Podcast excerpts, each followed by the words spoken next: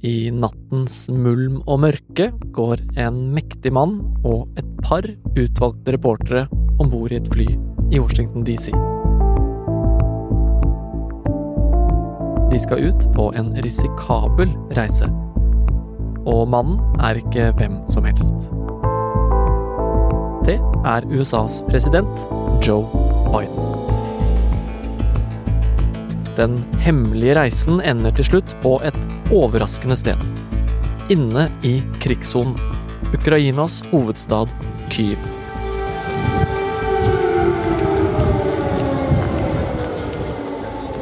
Det gjør både Biden historisk og forteller mye om krigens vei videre.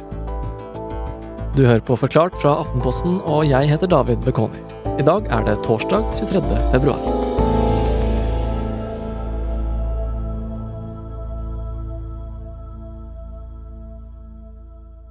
I utgangspunktet så skulle president Joe Biden reise til eh, Polen i to dager. Det var det som var oppgitt på hans offentlige dagsorden, men det viste seg å være litt lureri. Kjetil Hansen er utenriksjournalist her i Aftenposten, og reiser snart til USA for å ta over som korrespondent der. Og mens ryktene har svirret i pressen om hvor Biden egentlig var på vei, så var det ingen som helt visste hva som skjedde. Men nå vet vi mer om Bidens hemmelige reise. Bidens reise den starter altså eh, natt til søndag. Da blir han lisket og lurt ut av Det hvite hus eh, av sine livvakter, og så drar de til Andrews-flyplassen, som er militær flyplass rett utenfor Washington. Der sitter det to reportere om bord i et fly. De har fått beskjed eh, på forhånd eh, hva som skal skje, og det er de eneste utenfor Bidens indre sirkel som har fått beskjed. Så reiser da dette flyet fra Andrews-flyplassen. Utpå eh, søndagen så kommer de altså frem til Polen, til et sted hvor mange av våpenleveransene fra vestlige land går over grensen til Ukraina. De går om bord i et tog som skal frakte dem til eh, Kyiv. Eh, og dette toget ser da litt ut som alle de andre togene, men, men, det er en vogn som er annerledes. Den er ganske mye mer stilig, og der sitter presidenten og hans sikkerhetsrådgiver Jake Sullivan eh, og planlegger besøket. Klokken åtte om morgenen mandag, da kommer dette toget frem til Kyiv. Solen skinner og Biden går av toget. Han møter sin ambassadør i byen og sier 'It's good to be back in Kiev'. Kjetil, hvorfor er dette spesielt? Dette er også første gang i moderne tid at eh, en amerikansk president er i et krigsområde der USA ikke har den militære kontrollen. De siste presidentene har vært i Irak, og de har vært i Afghanistan. Men da har de kommet til et sted hvor det er stort amerikansk militært nærvær, eh, baser og leirer og tusener av soldater, egne soldater. I Ukraina så er det ikke slik. Amerikanerne har et titall marineinfanterister som passer på eh, ambassaden, og det er det. Ja, Så det betyr at Biden rett og slett må stole da, på at uh, ukrainerne passer på ham? Ja, han har jo med sine egne livvakter, men de er jo ikke så mange, så dette er jo en ganske stor tillitserklæring til Ukraina. Så var det jo ikke helt sånn at Biden bare valset inn og satsa på at ukrainerne tok seg av det meste. Denne reisen har vært nøye planlagt i flere måneder. Det har jo vært eh, stilt spørsmål mange ganger ved om ikke Biden skulle reise til Kyiv, og da har man snakket om at det vil kreve så store sikkerhetsforanstaltninger at det er nesten umulig. Men uh, det sies da at Biden selv skal ha ønsket dette sterkt, og, og, at han nå var klar til å ta den risikoen. Han tok jo eksempel dette toget inn eh, istedenfor å eksempel fly. Hvorfor det? Nei, Flyplassen i Kyiv har vært stengt siden krigen startet, så han måtte ta tog, og det er også hans favorittreisemåte for øvrig. Samtidig så er det slik at de, de ønsker å reise i hemmelighet, fordi et sikkerhetsapparatet rundt ham er mye lavere, og man kan se for seg at han eh, ved et uhell eller med vilje ville blitt rammet eh, av et eller annet russisk angrep, Og i så fall så hadde vi jo hatt en, en krig av et helt annet format enn, enn det vi ser mellom Russland og Ukraina nå. Hvis den amerikanske presidenten hadde rett og slett blitt tatt ut i en krig? Da hadde det vært en krigserklæring mot Nato, og det hadde vært krig mellom Nato og Russland. Så det at eh, Biden tok den risikoen det var å reise til Kyiv, det viser noe om eh, verdens mektigste lands hensikt i Ukraina.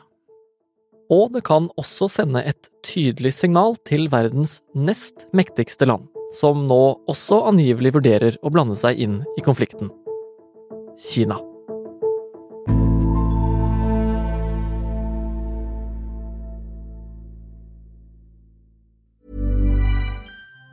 I flere år har jeg fulgt Maria og hennes russiske familie. Vladimir Vladimirovitsj Putin.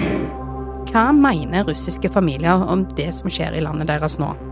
Hvorfor er det så mange russere som stemmer på Putin? Og hvorfor er det så mange som støtter krigen i Ukraina? Hør Putin og Maria, en podkast av Aftenposten. Den finner du hos Podme. Etter å ha reist 21 timer fra Washington DC til Kyiv, ble Biden møtt ikke bare av strålende vintersol, men også en ukrainsk president som virket oppriktig glad for å se ham. Det virket veldig gemyttlig, da. Og eh, Zelenskyj første han spurte hva, eller sa, var jo 'takk for at du kom'. Og, og, det første Biden sa, ja, men enda viktigere, hvordan går det med barna deres? Eh, så det virket litt sånn litt personlig. Eh, og det er også eh, bilder av varme omhavnelser eh, mellom de to eh, lederne.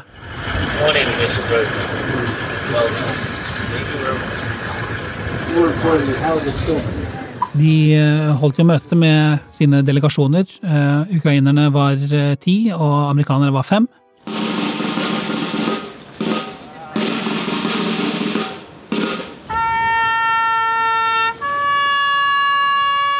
Og deretter så gikk de jo tur i sentrum og gikk rundt denne St. Michaels-klosteret. Sannsynligvis fordi de gir veldig gode bilder. Det er veldig flott og storslagent. Det er jo en hvit kirke med sånn gylne kupler og sånn, så, sånn at det ble en veldig stilig bakgrunn der de gikk rundt.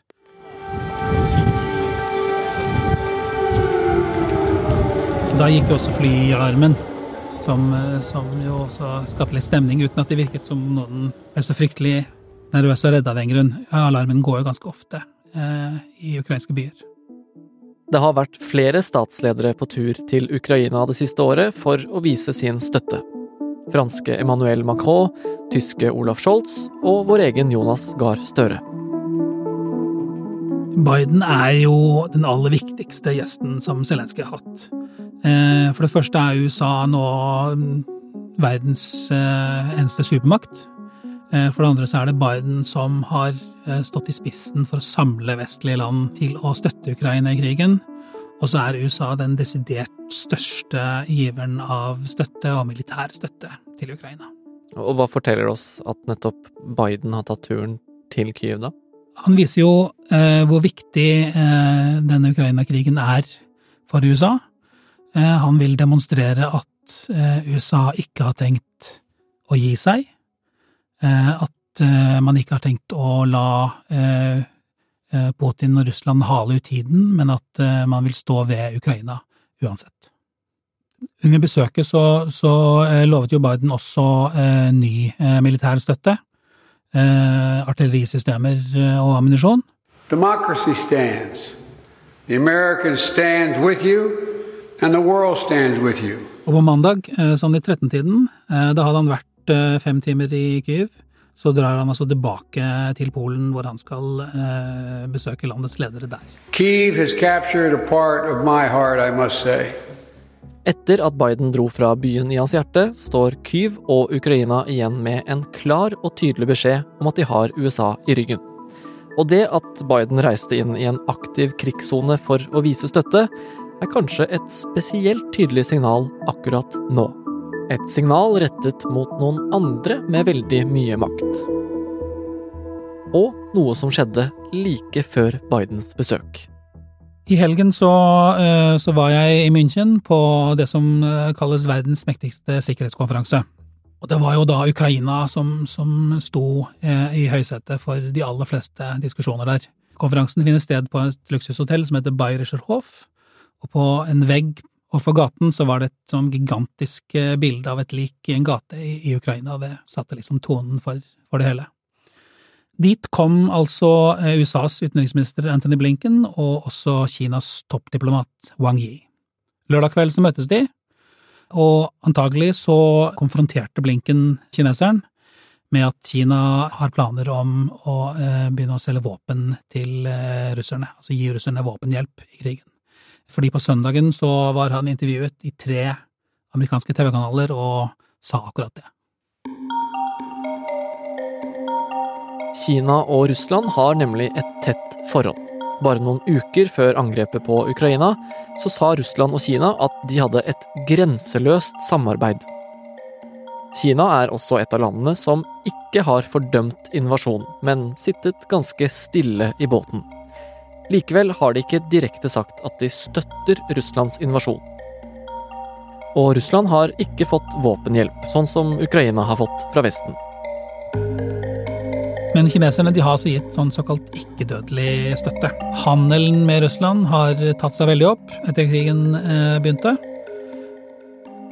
De kjøper olje og gass etter hvert som andre land eh, ikke vil ha eh, russisk olje og gass lenger. Og de selger også teknologi til russerne. Man snakker da om såkalte halvledere og databrikker og sånne ting som kan brukes i, i forsvarsteknologi. Det har også vært snakk om at de bidrar med droner, sivile droner, da. Men skal vi tro USA, så er det altså ting som tyder på at den støtten kan utvides til også å gjelde våpen. Disse planene om, om våpenstøtte de kom frem i intervjuer med Anthony Blinken i helgen. Og, og, han er jo da redd for at kineserne skal begynne med dette. Han sier han har etterretningsinformasjon som tyder på det, og han er engstelig for at det skal få store konsekvenser. Men kineserne sier at de ikke har annet enn fredelige hensikter, og at de ikke liker USAs kritikk. Tirsdag kveld kom det frem at den kinesiske presidenten Xi Jinping selv planlegger et besøk til Moskva. Kjetil, hvis det skulle vise seg å stemme, da, dette med eh, våpenstøtte fra Kina til Russland, hva vil det ha å si for krigen i Ukraina? Det har jo potensial til å, å påvirke eh, stillingen på slagmarken i Russlands retning. Russerne har jo eh, lidd enorme tap i denne krigen. De har mistet stor utstyr. Eh, iblant så har de jo eh, slitt med å ha nok eh, missiler. Så, så, en våpenstøtte fra Kina kan, eh, kan, jo hjelpe dem. I tillegg så er, er det en politisk dimensjon her. Fordi hvis eh, kineserne kommer inn på Russlands side på denne måten, så får den enda mer preg av å være en, en blokkdeling av verden.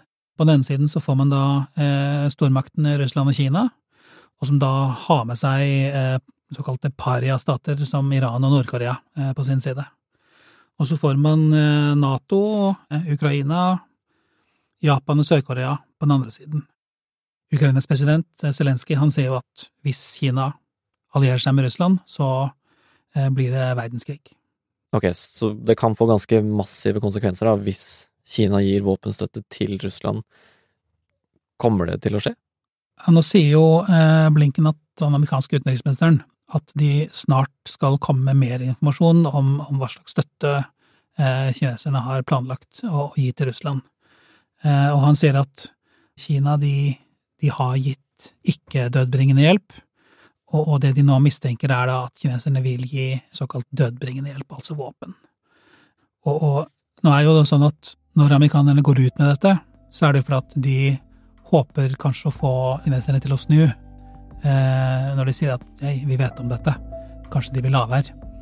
Eh, så eh, Blinken han sa jo det til amerikanske medier også, at så vidt vi vet, så har de ikke krysset den grensen ennå.